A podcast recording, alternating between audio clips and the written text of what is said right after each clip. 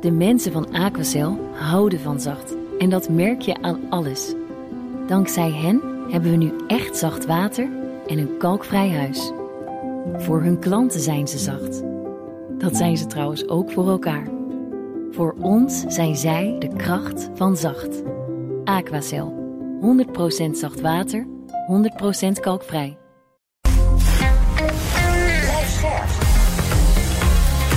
BNR Nieuwsradio. The Big Five. Paul van Liemt. Het is Oekraïne gelukt om verschillende gebieden te heroveren. En daarmee lijken de verhoudingen op het slagveld te kantelen. Hoe is het succes te verklaren en kunnen de Oekraïners het volhouden?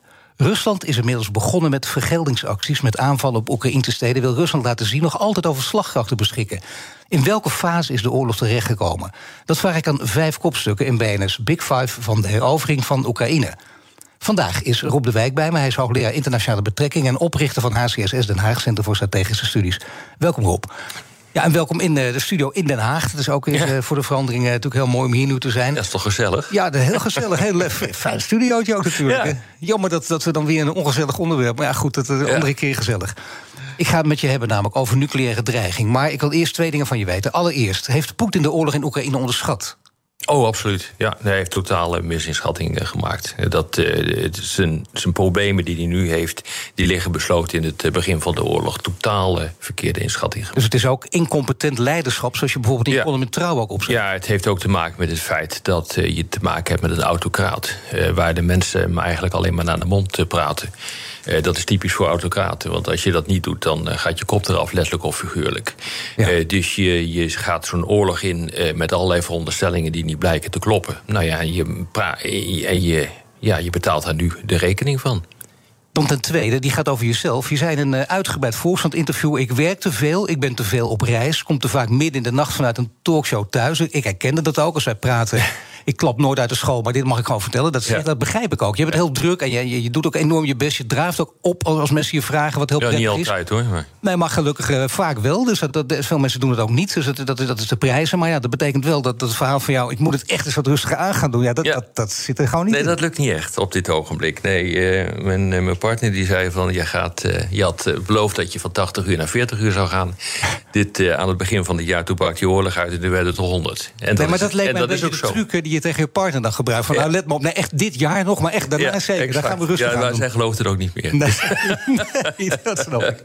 Nou goed, we gaan ik praten. trouwens zelf ook niet meer hoor, inmiddels. Nee, want dus ik leg gaat er maar weer uh, neer. Maar jij bent nog hartstikke jong, hè? Ik ben ontzettend jong. Dat scheelt gewoon. ja. Op dit moment kiest uh, Poetin kiest voor luchtaanvallen op Oekraïnse burgerdoelen op de energieinfrastructuur. En in Kiev gebruikt hij onbemande kamikaze-drones. En als vergelding voor explosies op de, op de, op de Krimbrug. Maar de vraag is dan ook, ook uh, een beetje in, in zijn leiderschapstermen denken, wat wil hij daarmee bereiken? Ja, het is psychologische oorlogvoering. Het zijn terreurbombardementen. Uh, je probeert op die, uh, die, manier ervoor te zorgen dat uh, de bevolking zich gaat afkeren van die oorlog, dat de steun voor die oorlog gaat verminderen. En dan hoop je op die manier succes te kunnen boeken op het slagveld. het eerlijk gezegd slaat nergens op. Ook dat is een veronderstelling die gewoon niet klopt. Dit zou je kunnen doen, die terreurbombardementen, op het moment dat een land op het punt staat van capitulatie. Denk even aan Japan. Uh, aan het eind van de Tweede Wereldoorlog. Het land was bijna al gecapituleerd. Er zijn er nog twee atoombommen overheen gegaan. En toen is er gecapituleerd.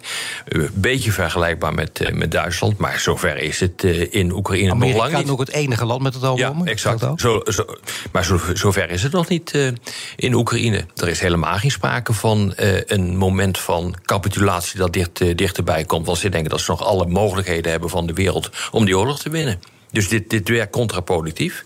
De Amerikaanse ambassade noemt de aanvallen dan wanhopig en weerzinwekkend. Ze kunnen ook Ja, niet anders, ze ook. moeten dat doen en dat zijn ze ook. Maar eh, dat is ook, dat is ook Nou ja, kijk, als je geen vorderingen kunt maken op het eh, slagveld op dit ogenblik, eh, dan is dit een manier van doen, althans volgens de Russen. Ja, nou ja, goed dat dat vervolgens weer contraproductief werkt. En dat je daarmee eigenlijk jezelf verder ook isoleert op het eh, wereldtoneel. Want zelfs eh, ook de, de Chinezen die kunnen niet goedkeuren wat hier gebeurt. En zeker niet al dat eh, wapengekletten met, met kernwapens. Dat kunnen ze al helemaal niet go- goedkeuren. Maar toch gebeurt het. Nu zie je dat, dat is wel opvallend iets. dat Poetin dreigt nu met een nucleaire aanval. Mm. En veel mensen nemen dat serieus, proberen die retoriek ook te interpreteren. Dat gebeurt op allerlei manieren. Allerlei verschillende deskundigen doen dat ook. Deskundigen, duiders, hoe je ze wil noemen.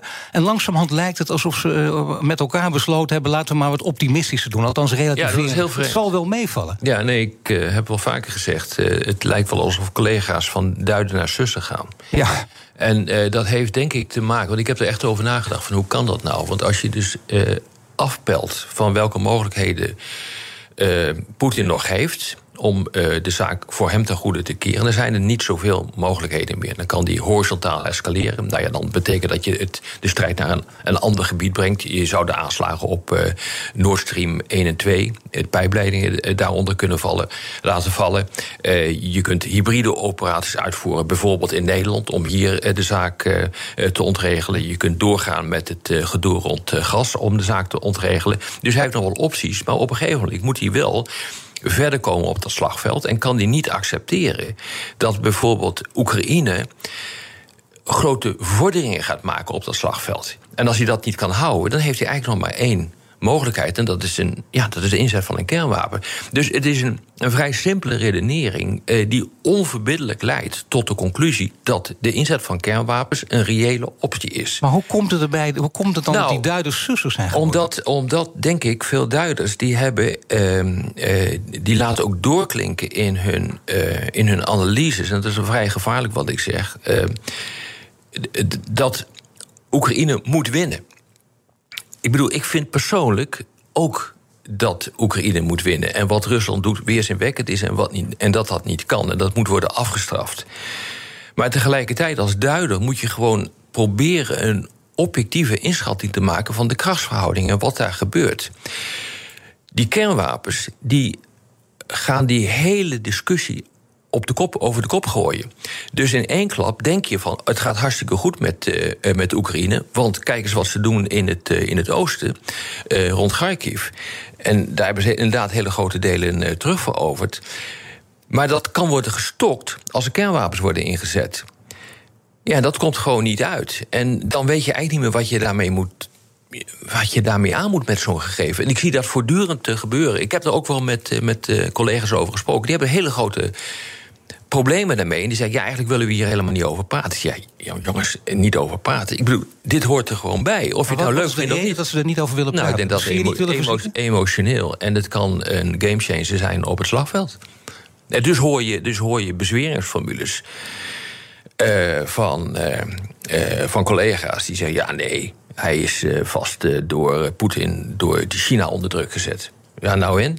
Op het moment dat uh, Poetin geen andere mogelijkheid meer heeft, dan zou die, moet hij de afweging maken tussen een slechte relatie met China en zijn eigen politieke dan wel fysieke overweging. Waar, waar zou jij voor kiezen? Ja, geen idee. Maar uh, nou ja, ik, ik, geen idee. Als, als, jij een normaal mens zou zijn en wat je bent, dan kies je voor jezelf. Jazeker, maar dat is, dat is in dit geval natuurlijk uh, een hele moeilijke situatie. Daarom zeg ik geen idee, omdat je daar nooit voor staat en niemand eigenlijk die je nu over praat. Uh, andere mensen die, die je kunt zien als duider, maar die iets meer ervan weten, namelijk hoogleraar oorlogsstudies zoals Ozinga, die houdt het hier op. En ik ben benieuwd wat jij ervan vindt. Die zegt, hm. Poetin houdt zich tot nu toe vast aan zijn eigen doctrine... over wanneer die kernwapens gebruikt. En dan zegt hij onder andere bij de aanval op Russisch grondgebied... ze de oorlog dreigt te verliezen... en bij enorme tegenslagen op het slagveld. Ja, klopt. Dus dan ziet hij nog steeds die rationaliteit op bij Poetin. Ja, juist. Ja. En dan heeft hij de volgende vraag voor jou. Want je weet het, even hier de mhm. kettingvraag stellen... Eh, mijn gasten elkaar vragen. Hier was Frans Ozinga, dus hoogleraar oorlogsstudies, heeft deze vraag. Uh, beste Rob, afgelopen weken heb jij terecht, net zoals ik... je zorgen uit over de nucleaire escalatie en het risico... dat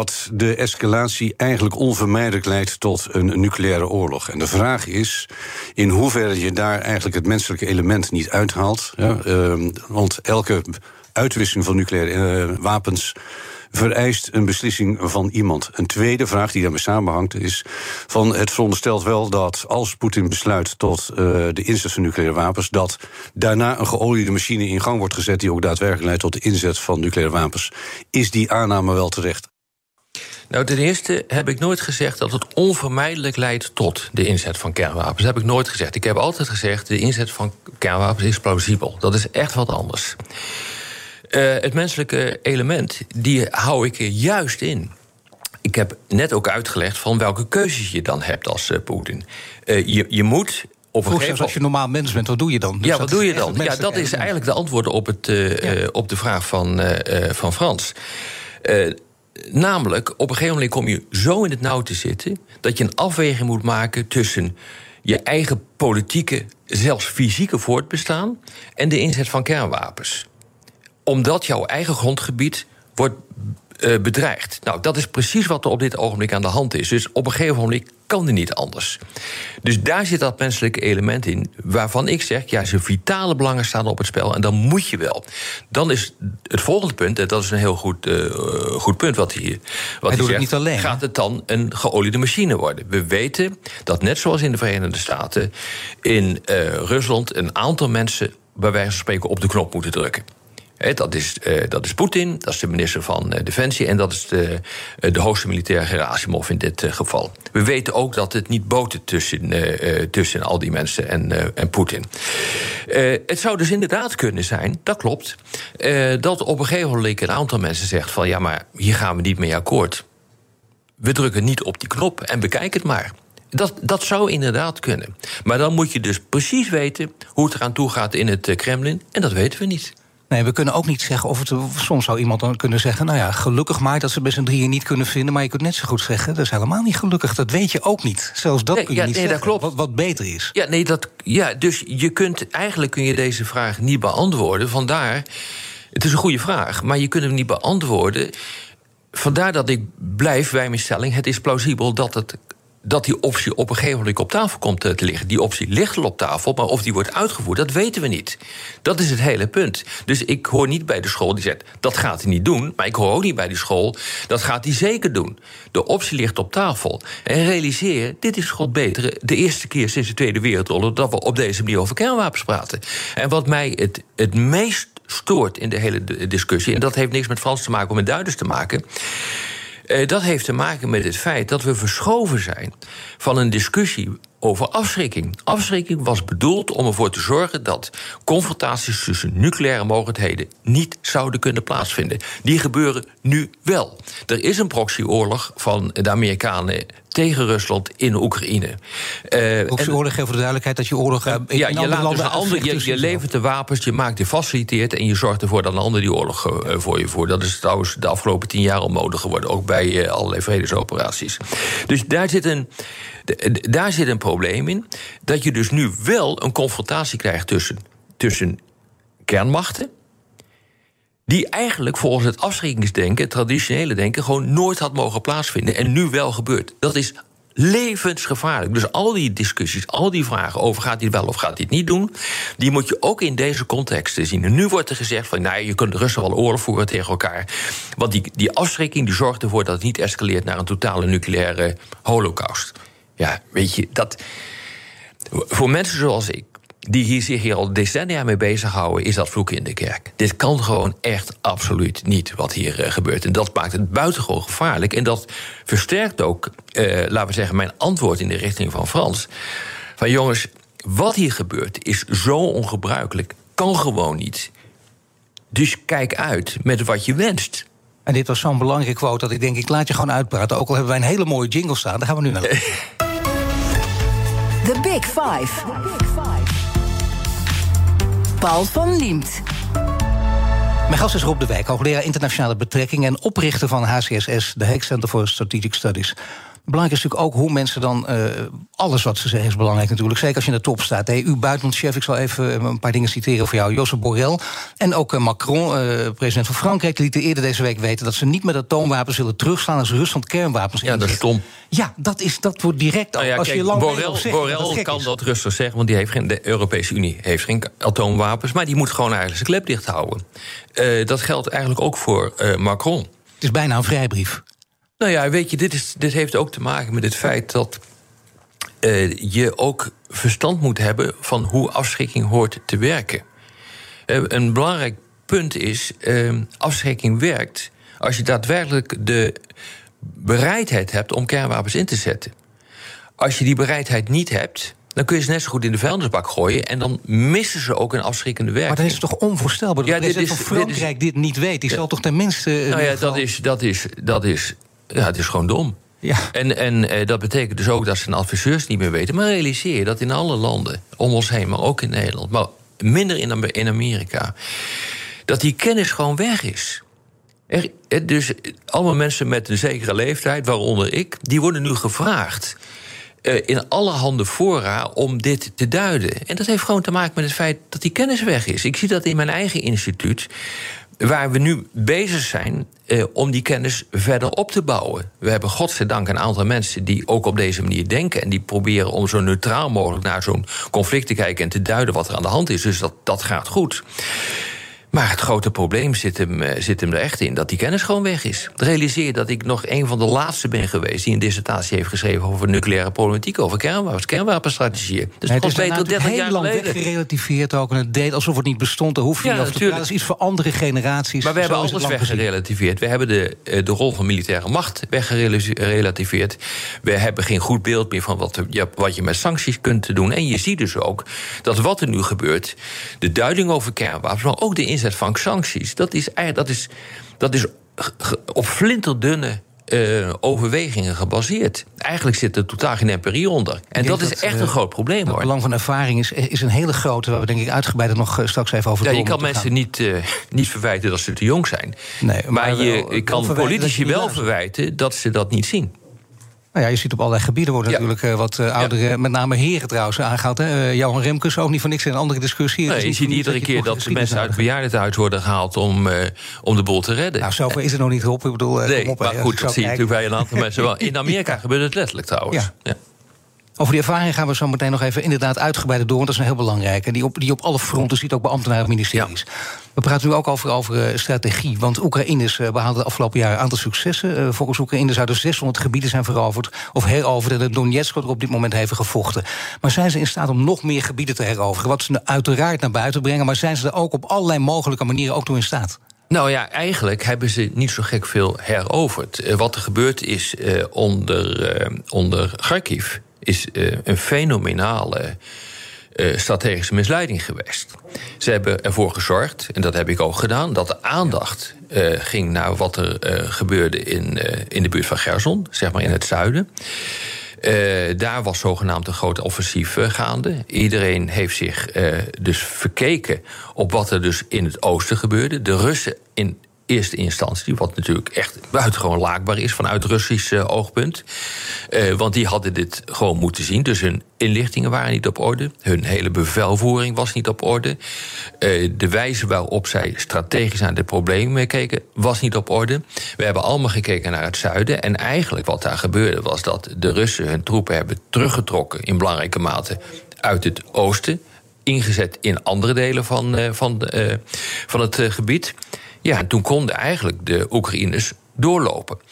Dus je moet dat Ja, niet briljante misleiding. Dat het is even. briljante misleiding. En ik heb daar grote bewondering voor dat dat eh, zo is, eh, eh, is gedaan. Vanuit militair, strategisch oogpunt is het briljant. Maar het probleem is dat het daarmee niet een hele grote echte verovering werd omdat namelijk je nu ziet dat alle partijen zich aan het ingraven zijn... Ja, in een gebied dat inderdaad iets kleiner is. eh, En dan is het handig als je dus extra hulp krijgt. En dat is dat verhaal Ja. opeens dat naar boven kwam, opeens, sinds een paar weken, van, van de hulp van de partisanen. Verzetstrijd. Ja, nou Misschien ja, goed om die achtergrond even te schetsen. Ik roep dat al, eh, ik roep dat al, eh, al maanden. Ja, Want je, maar ziet- je is- ziet eigenlijk vanaf het begin. Ja, maar ook dat werd inderdaad eigenlijk niet opgepikt. Dat is, oh, wat is heb- dat net of de nee, maar in de podcast was? hebben we daar heel vaak over gesproken. En het grappige is, nu op dit ogenblik doen we het wat minder. Om daarover te spreken. Omdat we het gevoel hebben, althans ik heb het gevoel... eh, dat die partisanenstrijd toch eh, aan het afnemen is op Maar wat ogenblik. gek, terwijl boeken zijn en de wijk daarvoor waar. Je ziet nu, laten we zeggen, dan Ja. de mainstream media. Die Ja, ja die, daar die nu lopen, nu ja, de mainstream media, om het maar zo te noemen, de Voor massamedia, die, lopen, eh, die lopen gewoon drie maanden achter. Wat dat betreft in de discussies. Het was inderdaad zo eh, dat, eh, dat die Oekraïners in staat waren om eh, rond Melitopol, dat ligt zeg maar eigenlijk ergens in het midden van eh, die bezette gebieden, een beetje boven de Krim, daar zat een, een grote pocket van partisanen. Maar dat zag je, dat zag je ook eh, eh, gebeuren in de provincies eh, Donetsk en Luhansk. Maar je ziet het ook gebeuren rond, rond Gerson. Eh, wat daar dus gebeurt, is eh, dat eh, die, die Oekraïners ervoor gezorgd hebben dat er mensen zijn, burgers, die informatie inwinnen. Er worden hitteams in zo'n gebied georganiseerd, die bijvoorbeeld mensen, en dat is op grote schaal gebeurt. Mensen die zich bezighouden met de voorbereiding van die nepreferenda, dat die worden gewoon worden doodgeschoten. Er zijn aanslagen op roadblocks. Dat is typisch partisanenstrijd. Als je dat goed organiseert, dan, eh, eh, dan is het lastig voor de Russen om te kunnen winnen. Maar wat we op dit ogenblik zien, is dat er een soort van etnische zuivering aan het uh, plaatsvinden is in veel van die gebieden. De Oekraïners, om het maar even zo te zeggen, die vertrekken in belangrijke mate. De Russen ik, eh, het is niet altijd wetenschappelijk wat ik zeg, maar ik neem aan dat je begrijpt wat ik bedoel. Die blijven. Dus dat betekent dat uh, de vijver waarin die partisanen kunnen, uh, uh, kunnen zwemmen, die, die, die, die wordt ondieper. En dat is echt een groot probleem voor, voor een partisanenstrijd. Want je hebt gewoon als partisaan steun binnen de van de bevolking nodig. Dus uh, dit is de reden waarom bijvoorbeeld uh, de Verenigde Staten, maar ook uh, de Europeanen, een ruim een jaar geleden uit, uit Kabul zijn gebonjourd. Ja, en dat is eigenlijk feitelijk hetzelfde fenomeen. Nu heb je één geluk. En ik, ik hoop dat ik, ik weet ik echt zeker niet wie ik nu ga citeren, maar het zou heel goed kunnen zijn dat, ook, dat ik ook jou nu citeer uit een column. Maar als je dan kijkt naar wat Poetin daar tegenover zet, wat voor soort leider is dat? Een strategisch leider? Niet tot nu toe heeft hij dat gewoon niet bewezen. Nee, het is een tactisch leider dus leider. Ik, heb, uh, ik heb Poetin nooit kunnen uh, betrappen op uh, grote strategische vergezichten. Behalve dat hij de wereldorde wil verbouwen. Maar dat is natuurlijk toch een beetje lastig als je een economie hebt die niet veel groter is dan die van Italië. dus Poetin heeft maar één machtsmiddel, en dat is militaire macht. En die militaire macht blijkt niet zo fantastisch te functioneren als veel mensen gedacht nou ja, hadden. Het enige strategische zou je kunnen zeggen, dat zeggen sommige duiders ook wel. Het gaat erover een frozen conflict. Hè? Dus zorgen dat ik je denk, zo lang ik denk dat dat volhouden. Nou ja, dat is natuurlijk eh, de hele eindstrijd die, uh, waar je het over moet hebben. Ik vind het ook een ver, verbluffend gebrek aan uh, discussies in uh, dit deel van de wereld over welke eindstrijd zien we nu eigenlijk voor ons. Dat is echt gewoon de, de, hamvraag. Ja, een scenario en de hamvraag. Ik vind dat we daar wel heel veel tijd voor nodig hebben. Vind jij ook natuurlijk. Ja, ga je niet en dat moet je. Dat, even, kijk, het, het hele ga, punt ga is. niet zomaar even weg, dus daar gaan we zo meteen over hebben. Ja. Morgen dan is voormalig commandant de strijdkrachten Dick Berlijn te gast. Abonneer je op onze podcast via je favoriete podcastkanaal... om geen aflevering te missen. En zometeen uiteraard komt die hamvraag aan bod... als ik verder praat met Rob de Wijk. En maar ook over wat deze oorlog doet met het geopolitieke speelveld. Blijf luisteren. De mensen van Aquacel houden van zacht. En dat merk je aan alles. Dankzij hen hebben we nu echt zacht water en een kalkvrij huis.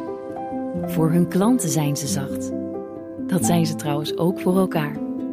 Voor ons zijn zij de kracht van zacht. Aquacel. 100% zacht water, 100% kalkvrij. Zelfstandig ondernemen, dat is zelf beslissingen nemen, zelf successen vieren... maar ook zelf de boekhouding, zelf tijdmanagen, zelf zorgen maken... totdat het even niet meer gaat zoals je wilt. Bij Movier geloven we in zelfstandig, maar niet alleen. Helpen we voorkomen dat je stilvalt en gebeurt dat toch... dan doen we er alles aan om je bij te staan en weer verder te helpen. Movier, de inkomensverzekeraar van Zelfstandig Nederland. BNR Nieuwsradio. The Big Five. Paul van Liemt. Welkom bij het tweede half uur deze week. Vijf kopstukken over de herovering van Oekraïne. Later deze week praat ik nog met Robert Serrie. Hij is voormalig ambassadeur in Oekraïne. Afgelopen zomer was hij in Kiev en binnenkort wil hij weer die kant op. Ik bespreek met hem wat de nieuwe luchtaanvallen met de stad doen. De gast is Rob de Wijk, hoogleraar internationale betrekkingen... oprichter van HCSS, de Hague Center for Strategic Studies. Komend half uur op wil ik nog twee onderwerpen met je bespreken. In ieder geval, namelijk of Poetin afstevend op de, de grootste, de allergrootste geopolitieke catastrofe van de 21e eeuw. En hoe lang het Westen Oekraïne kan blijven steunen. We kunnen met het laatste beginnen, maar misschien wil ik openen met de hamvraag. Want dat is wel, eh, los van alles wat wij gaan bespreken, waar het uiteindelijk om draait. Wat is dat voor jou? Wat willen we nou eigenlijk? Wat willen we? Wat is het plan met Oekraïne? Kijk, eh, de Europese Unie die heeft formeel gezegd van we gaan sancties opleggen omdat eh, we vinden dat alle Russen het land uit moeten, inclusief eh, de Krim. Persoonlijk ben ik daarvoor, maar dat doet er even niet toe. De grote vraag is: kan dat? Het antwoord is: nou, niet met sancties. Als je dat zou willen, dan moet je echt gewoon met militaire middelen erin. En dan moet je iemand gewoon echt uh, verjagen. Er is nog nooit in de geschiedenis, uh, blijkt uit de sanctieliteratuur, een voorbeeld uh, gegeven waarin een militair avontuur door middel van sancties is afgebroken. En de situatie is ook niet zo anders dat je zegt je kunt die hele literatuur nee, opzij schrijven. Nee, hij is alleen maar erger geworden. Het is ja. juist deze enorme omvang van deze operatie en wat er voor Poetin op het spel staat, dat duidt er alleen maar op dat die sancties op die manier niet gaat werken. Uh, daarbij komt dat de sancties ook nog een keer, althans in een aantal gevallen, uh, nogal onderdag zijn opgelegd. Ook dat blijkt uit de sancties, uh, sanctieliteratuur dat dat heel vaak gebeurt, waardoor ze nog contraproductiever worden. Geef één voorbeeld. Je zou kunnen zeggen dat de discussie over twee derde minder gas uh, voor het eind van dit jaar afnemen van Rusland. En by the way heeft de Europese Unie gezet... een derde hebben we wel nodig, als komen de winter niet door. Dat dat geleid heeft in belangrijke mate tot de, shit waarin we nu zitten met uh, de exploderende gasprijzen. Want wat denk je dan dat Poetin gaat doen? Uh, als hij weet dat wij nog een derde, gas, een derde van de importen nodig hebben om, om de winter door te komen, ja, dan gaat hij natuurlijk manipuleren met die gaskraan. Dus je ziet dat er dus een, een, eh, een situatie aan het ontstaan is. waarbij, en dat blijkt ook uit de sanctiesliteratuur. de kosten voor de zender, wij dus, eigenlijk heel erg hoog aan het eh, worden zijn. En dat betekent dat de effectiviteit van sancties worden ondermijnd, omdat. Uh, je er dan, dan, van kan uitgaan dat de steun voor die sancties publiekelijk en uiteindelijk ook politiek gaat verminderen. Nou, dat is precies wat we nu zien. In bijvoorbeeld uh, Oost-Duitsland zijn er honderdduizend mensen de straat op gegaan. We hebben eerder die eh, protesten gezien uh, in, in Praag. En dan wordt natuurlijk gezegd: ja, nee, dat, uh, daar zat Poetin achter. Ja, jongens, daar zat Poetin achter. Er gingen wel honderdduizend of tienduizend mensen of wat dan ook de straat op. En dat is wat telt. Nou, dat is de reden ook waarom Poetin dus zegt: steeds het frozen conflict. Ik heb gewoon ja. geen haast. Hij noemt dat zelf dan wel. Als in zijn hoofd een beetje kijken, en zo zeggen sommige duiders ook, die noemen dat dan wel strategisch. Want hij kan mensen uitputten. Hij kan daarmee het Westen ontwrichten. Dat wil hij ook. Ja. Waardoor hij dus alsnog die oorlog gaat winnen. Nou ja, hij kan de bovenliggende partij worden. Of hij hem gaat winnen, dat is maar zeer eh, de vraag. En dan ga je een, een, bevroren conflict krijgen. Ik denk nog steeds dat dat de meest waarschijnlijke uh, uitkomst is. Dan komt er een staakt het vuren. Dan komt er geen, uh, dan komt er geen vredesakkoord waarbij Oekraïne afstand doet van. Uh, uh, van de bezette uh, geen afstand doet van die bezette gebieden. ja, en dan heb je iets wat nog decennia lang kan doorsudderen. dit is, dit is Noord- en Zuid-Korea. Maar als je dit, ja, maar dat is waanzinnig. Maar dan blijft er decennia lang dus echt een, een hele serieuze kernwapendreiging ook boven ons hoofd hangen. Ja, zeker. En dan is het uh, zeer de vraag wat wij dan gaan doen. Uh, want Zelensky die wil dan vervolgens uh, veiligheidsgaranties hebben. Nou, de veiligheidsgarantie kan alleen maar kernwapen zijn in dit geval. Want realiseer je dat door de uitputting van de voorraden in Europa, maar ook in Amerika, we een verschuiving moeten gaan krijgen van het leveren van wapens en oorlog voeren naar afschrikking. Nou, kijk, politici zijn nog niet zo ver. Uh, maar als je dan doordenkt van wat de consequenties daarvan zouden kunnen zijn, dan zou het ineens een hele plausibele. Uh, heel plausibel scenario kunnen worden om uh, die romstaat Oekraïne gewoon bij de NAVO te trekken. En dan wordt natuurlijk bij hoog en laag wordt gezegd van dat gaat niet gebeuren. Maar ik spreek met mijn collega's in het buitenland. En die beginnen nu ook gewoon die richting op te denken. Dat dat wel eens een keer de on, losmakelijke consequentie uh, zou kunnen zijn van wat we op dit ogenblik ja, zien. Daadwerkelijk, hè? dus niet als theoretisch. Ja, en dan, maar dan wordt er, kijk, politiek wordt er dan, ga, let op mijn woorden, wordt er gezegd dat kan niet. Want je kan niet een, een deel van uh, een land bij de NAVO trekken dat gedeeltelijk wordt bezet. Uh, pardon. Mogen we even kijken naar de toetreding van West-Duitsland na de Tweede Wereldoorlog tot de NAVO? Oost-Duitsland was bezet door de Russen, dus dat kan wel degelijk. En vervolgens zie je precies hetzelfde gebeuren als wat je nu ziet gebeuren. Oost en West worden eigenlijk tot elkaar veroordeeld. En door middel van die kernwapendreiging, die afschrikking, is het nooit tot een echte oorlog eh, gekomen. Nou, dat is, dat is eigenlijk gewoon wat je nu ook gaat zien. Dus je gaat naar een soort containment, een soort indamming van Rusland. Nou, en met een, met een nieuw ijzeren gordijn eh, die loopt van het, het noorden van Finland tot in Turkije. En dan de grote vraag is: uh, wat gebeurt er dan met Oekraïne? Aan welke kant van het ijzeren gordijn ligt Oekraïne dan? Nou ja, dat, dat, dat, eh, maar collega's zo simpel denken, denken wel in deze richting. Probeer nu even mee te denken. Dan denk je dat zou inderdaad kunnen. Met al die praktische obstakels die er zijn, die zijn allemaal te overwinnen. Dat kan ook. Alles een enorme discussie daarover. Ja. Maar dan staat er nogal wat op het spel. Is dit dus het spel dat ook westerse leiders meer zouden moeten spelen? Dan kom je toch op de ervaring uit. Ik denk dat de westerse leiders het helemaal niet zien. Kijk, die hebben zich gecommitteerd aan uh, de oorspronkelijke doelstellingen. Je ziet nu dat die doelstellingen van alle Russen het land uit... dat die moeilijk haalbaar zijn op dit ogenblik. Dus je ziet nu een verschuiving, ook bij de Europese Commissie... maar ook in Amerika. Austin, de minister van Defensie, is daarmee begonnen. Dat verschuift van alle Russen het land uit... naar een verzwakking van Rusland zelf. Ja, dat is zo'n vage doelstelling. daar kun je helemaal niks mee. Ehm, maar wat dus gewoon niet gelukt is, is om door middel van die sancties, die oorlogsmachine, hè, von der Leyen heeft het honderdduizend keer gezegd, te slopen. Dat lukt niet, dat heeft, is nooit gelukt en dat zal ook nu vermoedelijk niet lukken. Wil niet zeggen dat Rusland niet op een gegeven moment kan imploderen. maar je, het, zijn, het zijn dagkoersen. Maar wat we nu op dit ogenblik zien is dit. En het beste wat uh, Rusland kan bereiken is inderdaad een bevoren conflict. Maar waarschijnlijk had hij dat toch al voor, over, voor ogen. Maar een bevoren conflict. Ja, dat is niet strategisch. Dat is eigenlijk alleen maar eh, onderdeel van een grote ontregelcampagne ja, ten opzichte van het Westen. Dat, dat het uitputten is en dat je denkt, daardoor heb ik alsnog uh, het nou Westen nou weten te ontwrichten. Dat is wat het is ontwrichtend. Het werkt ontwrichtend voor Rusland. En dan kan ik toch mijn rijk uitbreiden. Exact. Nou ja, hij breidt het niet echt uit, maar het, is, het werkt ontwrichtend. En dus ontregelen, ontwrichting, dat is voor Rusland doel op zich. En ze kunnen ook niet anders, omdat die economie gewoon te klein is. He? Natuurlijk is er een hele grote zwarte economie, dat begrijp ik ook wel in, uh, in Rusland.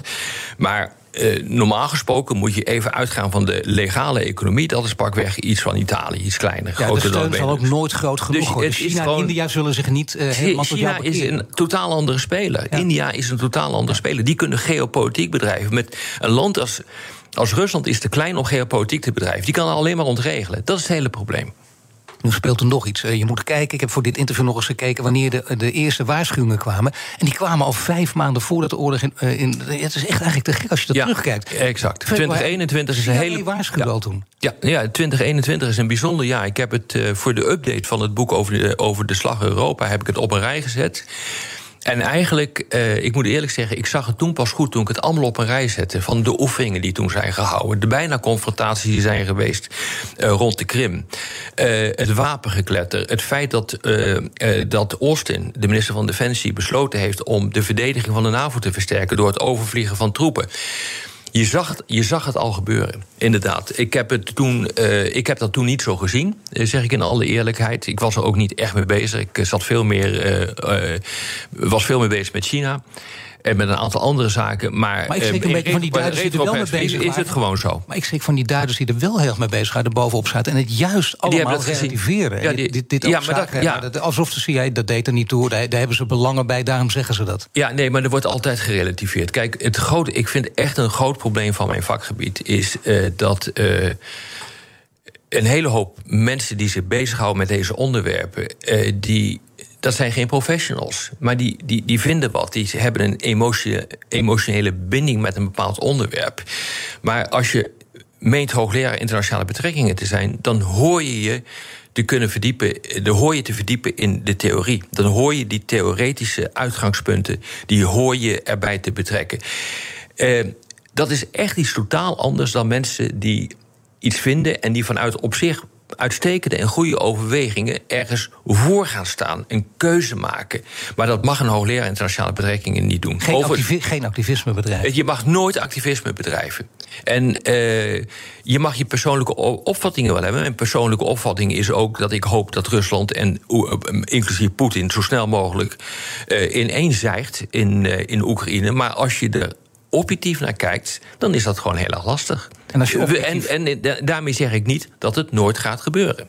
En als je objectief kijkt naar de enige westerse leider die weet hoe je dit spel moet spelen. Dat is Biden. Ik uit jouw column is dat Biden. Ja, de, ja. op allerlei gebieden belachelijk gemaakt. Eh, op veel gebieden ook terecht. Ja, maar dat moet je niet doen. moet je dat niet doen. Nee, dat moet je niet doen. En dat heeft ook te maken met de, met de leeftijd van Biden. Die kent dit spel nog. Die weet nog hoe dit gespeeld wordt.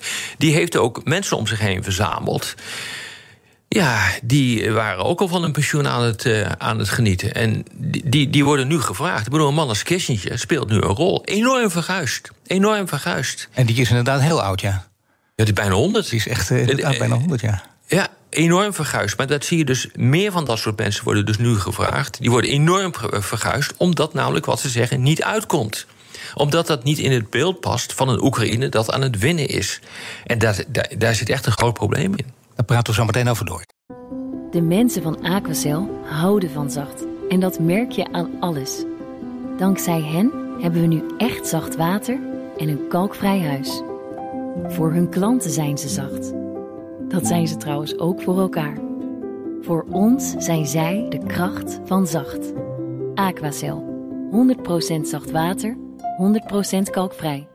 Zelfstandig ondernemen, dat is zelf beslissingen nemen, zelf successen vieren. Maar ook zelf de boekhouding, zelf tijdmanagen, zelf zorgen maken... totdat het even niet meer gaat zoals je wilt. Bij Movier geloven we in zelfstandig, maar niet alleen. Helpen we voorkomen dat je stilvalt en gebeurt dat toch... dan doen we er alles aan om je bij te staan en weer verder te helpen. Movier, de inkomensverzekeraar van Zelfstandig Nederland. BNR Nieuwsradio. The Big Five. Paul van Liemt. Je luistert naar BNS Big Five van de herovering van Oekraïne. Later deze week praat ik nog met René Jones-Bos, oud-ambassadeur in Rusland... over hoe je onderhandelt met de Russen. Mijn gast is Rob de Wijk, hoogleraar internationale betrekkingen... en oprichter van HCSS, het Den Haag Centrum voor Strategische Studies heel erg eigenlijk, waar we het net over hadden, dat, dat, dat wensdenken. Je wil dat Oekraïne wint. Het is, het is ja, dat geen wil voetbalwedstrijd. Ik, ik wil dat ook. Natuurlijk, maar het, het, moet niet ontaarden dus in, in en dat uh, ja, voetbalanalisten bij elkaar over een leuk onderwerp. Nou ja, het wordt verslagen. Dat zie je dus uh, heel sterk uh, als een voetbalwedstrijd. Dus op het moment dat, dat Oekraïne vorderingen maakt, dan klinkt er gejuicht. En dan wordt het optimisme van we gaan de wedstrijd winnen. Gebeurt dat even niet, gaat Rusland naar voren, dat zag je met die droneaanvallen. Dan wordt er gezegd, ja, hm, eigenlijk speelt Rusland dan gewoon ook... ja, die, die is aan het vals spelen. Ja, nee, dit is oorlog, mensen dit hoort erbij. En dit was te verwachten dat het zo zou gaan. Ja, het is heel opmerkelijk dat het als ja. valspelen wordt gezien. Ja, het is inderdaad oorlog. Bovendien is het ook opmerkelijk dat er heel erg veel in de hoofden van Poetin wordt gekeken. In het hoofd van Poetin wordt gekeken door alles en iedereen bijna aan al die ja, tafels. Het zal mij een worst wezen wat die man doet. Ook, dat weten we toch ook niet. En bovendien dat weten we, ook, en, en bovendien, dat weten we niet. Je moet, wat, wat, het enige wat je weet is wat je ziet. En wat je ziet is redelijk helder. En dat is ook simpel. Hij heeft gebieden bezet. Hij heeft uh, die gebieden verklaard tot uh, uh, Russisch grondgebied. Hij kan die gebieden enigszins verdedigen, maar hij kan ze niet uitbreiden. En dat betekent dat hij een, een, probleem voor zichzelf heeft gecreëerd, waardoor zijn vitale belangen op het spel komen te staan. Gaat hij dit mismanagen, dit hele proces, dan gaat het hem letterlijk of figuurlijk de kop kosten in, in, in Moskou. En dat betekent gewoon dat hij heel onvoorspelbaar zal blijven. En bereid is om ongehoorde risico's te nemen. Ik bedoel, dit is de hele analyse. Veel meer is het niet. Nee, maar zo, zo moet je hem ook maken. Ja, zo moet je volgens mij maken. Maar, maar al dat, dat, die, die, al dat gedoe met wat er precies gebeurt in het Kremlin... en wat er gebeurt in zijn hoofd, het zal maar een worst wezen. Ik bedoel, ik ben er ook niet in geïnteresseerd. We zien dus nu ook allemaal lijstjes komen... van allerlei Russische leiders die hem dan zou kunnen opvolgen. Eh, nou, één ding is zeker, die worden dus nooit. He, nee. dus, uh, maar het is ook meer een wedstrijdje van kijkers. Ik weet het beter dan ik, jij. Ik word, daar heel, ik word daar heel moe van. Het is ook ja. gewoon niet professioneel. Nee, en bovendien, het maakt ook niet uit. Want als daar, er kan ook nog een grotere hardliner komen. Maar het zal iemand zijn die altijd in ieder geval wil winnen. Dus ja, enige maar, dan, dan, dan is de redenering weer... ja, dan zal het wel een even grote hardliner worden... en dan verandert er niks. Dat is lulkoek. Dat is echt gewoon onzin. Uh, als er een keiharde hardliner komt... die kan ook besluiten ten behoeve van het land om te zeggen: kappen ermee. Want Poetin kan nooit meer terug. Maar een nieuwe hardliner, hoe hard hij ook is, en ook al hoe zeer hij ook staat achter Poetin, hij kan altijd zeggen, want het zal hij worden. Hmm, we gaan toch even een stapje terug doen. Dat kan een nieuwe leider doen. Of het een hardliner is of een, of een softie, dat maakt gewoon niet uit. Maar die kan dat doen. En die ja, zal, dat, en die zal dat waarschijnlijk ook gaan doen. Ja, die kan dat zonder gezichtsverlies doen. Die kan dat zonder gezichtsverlies doen. En Poetin, Poetin heeft zich totaal in de, in de hoek gemanoeuvreerd.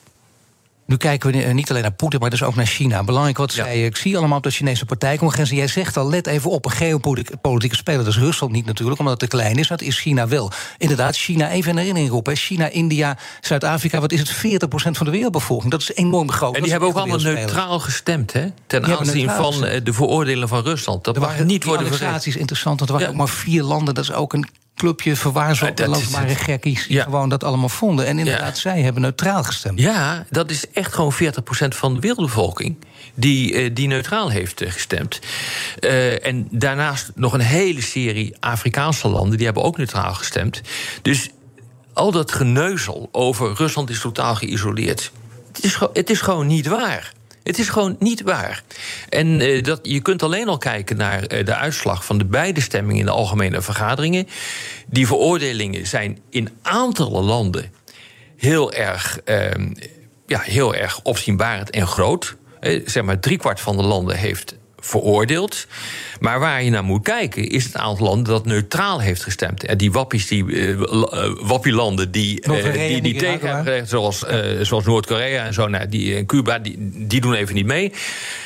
Maar het aantal neutrale stemmen is gewoon veel en veel te groot. En dat zijn veel te grote en veel te. Daar zitten toevallig nou net de belangrijkste landen in van de wereld. Ja, en als je dus uh, denkt in, in oude termen en dat niet uh, anders kunt zien, dan denk je nog steeds: uh, nou ja, de wereld ziet eruit zoals hij eruit ziet en zo. We zijn met Rusland in conflict. Ja. En ach, China, dat doet er eigenlijk niet zo toe. China doet er enorm toe. Daar moet je ook kijken wat er gezegd is. Ook zie ik zal er één ding uitpikken ja. over de oorlog.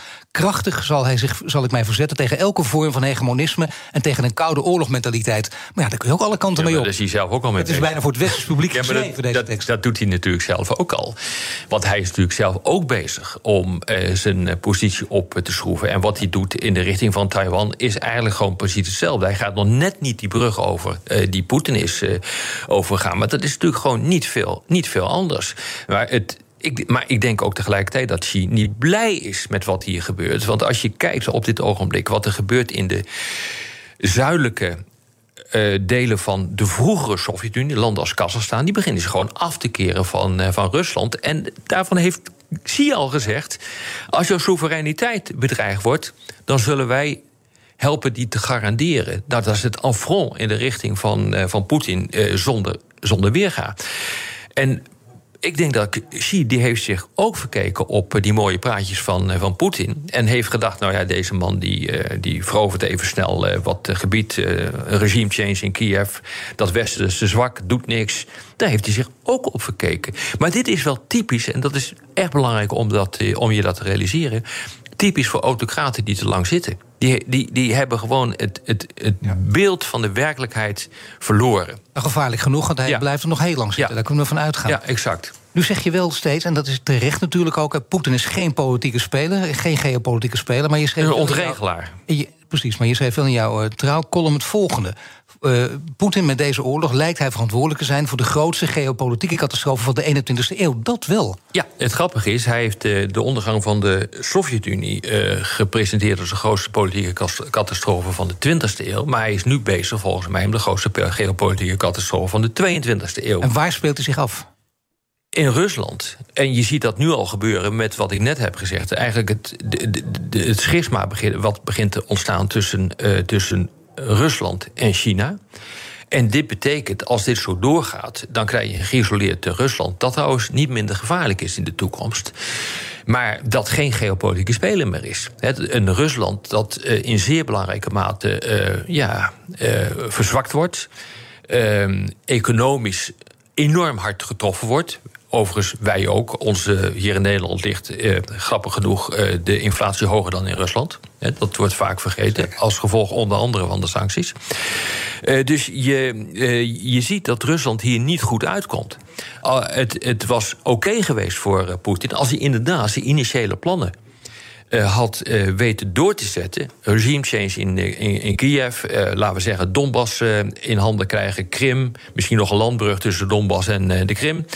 Dan had hij gewoon enorm gewonnen. Wij staan in de studio Den Haag hierop. En je merkt het al, hè, die nodigt nog meer uit. Geweldige studio Amsterdam. Maar hier wil je echt nog langer doorpraten. Ja. Dat kan niet, maar jij mag nog wel één vraag stellen. Namelijk via de kettingvraag de gast aan de volgende. Korte, bondige vraag graag aan Dick Berlijn. Voormalig commandant der strijdkrachten. Wat wil je hem vragen? Nou, ik wil Dick vragen. Dick, eh, heb jij nou enig idee wat dat eindspel is dat gespeeld wordt? En dan vooral vanuit jouw militaire eh, perspectief. Dat is het allerbelangrijkste. Dus niet wensdenken, maar hoe gaat dat militair eh, gaat dat, eh, verlopen? En als dat eindspel er dan is geweest, hoe gaan we dan Europa verdedigen? Kortom, is er een plan? Hoe gaan we dit bereiken? Heb jij enig idee? Dankjewel, Rob de Wijk, hoogleraar internationale betrekkingen en oprichter van HCSS en Den Haag Centrum voor Strategische Studies. Alle afleveringen van BNS Big Five zijn natuurlijk terug te luisteren. Abonneer je op onze podcast via onze app of je favoriete podcastkanaal om geen aflevering te missen. En nu iemand Verrips met BNR Breed. Dag. De mensen van Aquacel houden van zacht. En dat merk je aan alles. Dankzij hen hebben we nu echt zacht water en een kalkvrij huis. Voor hun klanten zijn ze zacht. Dat zijn ze trouwens ook voor elkaar. Voor ons zijn zij de kracht van zacht. Aquacel. 100% zacht water, 100% kalkvrij.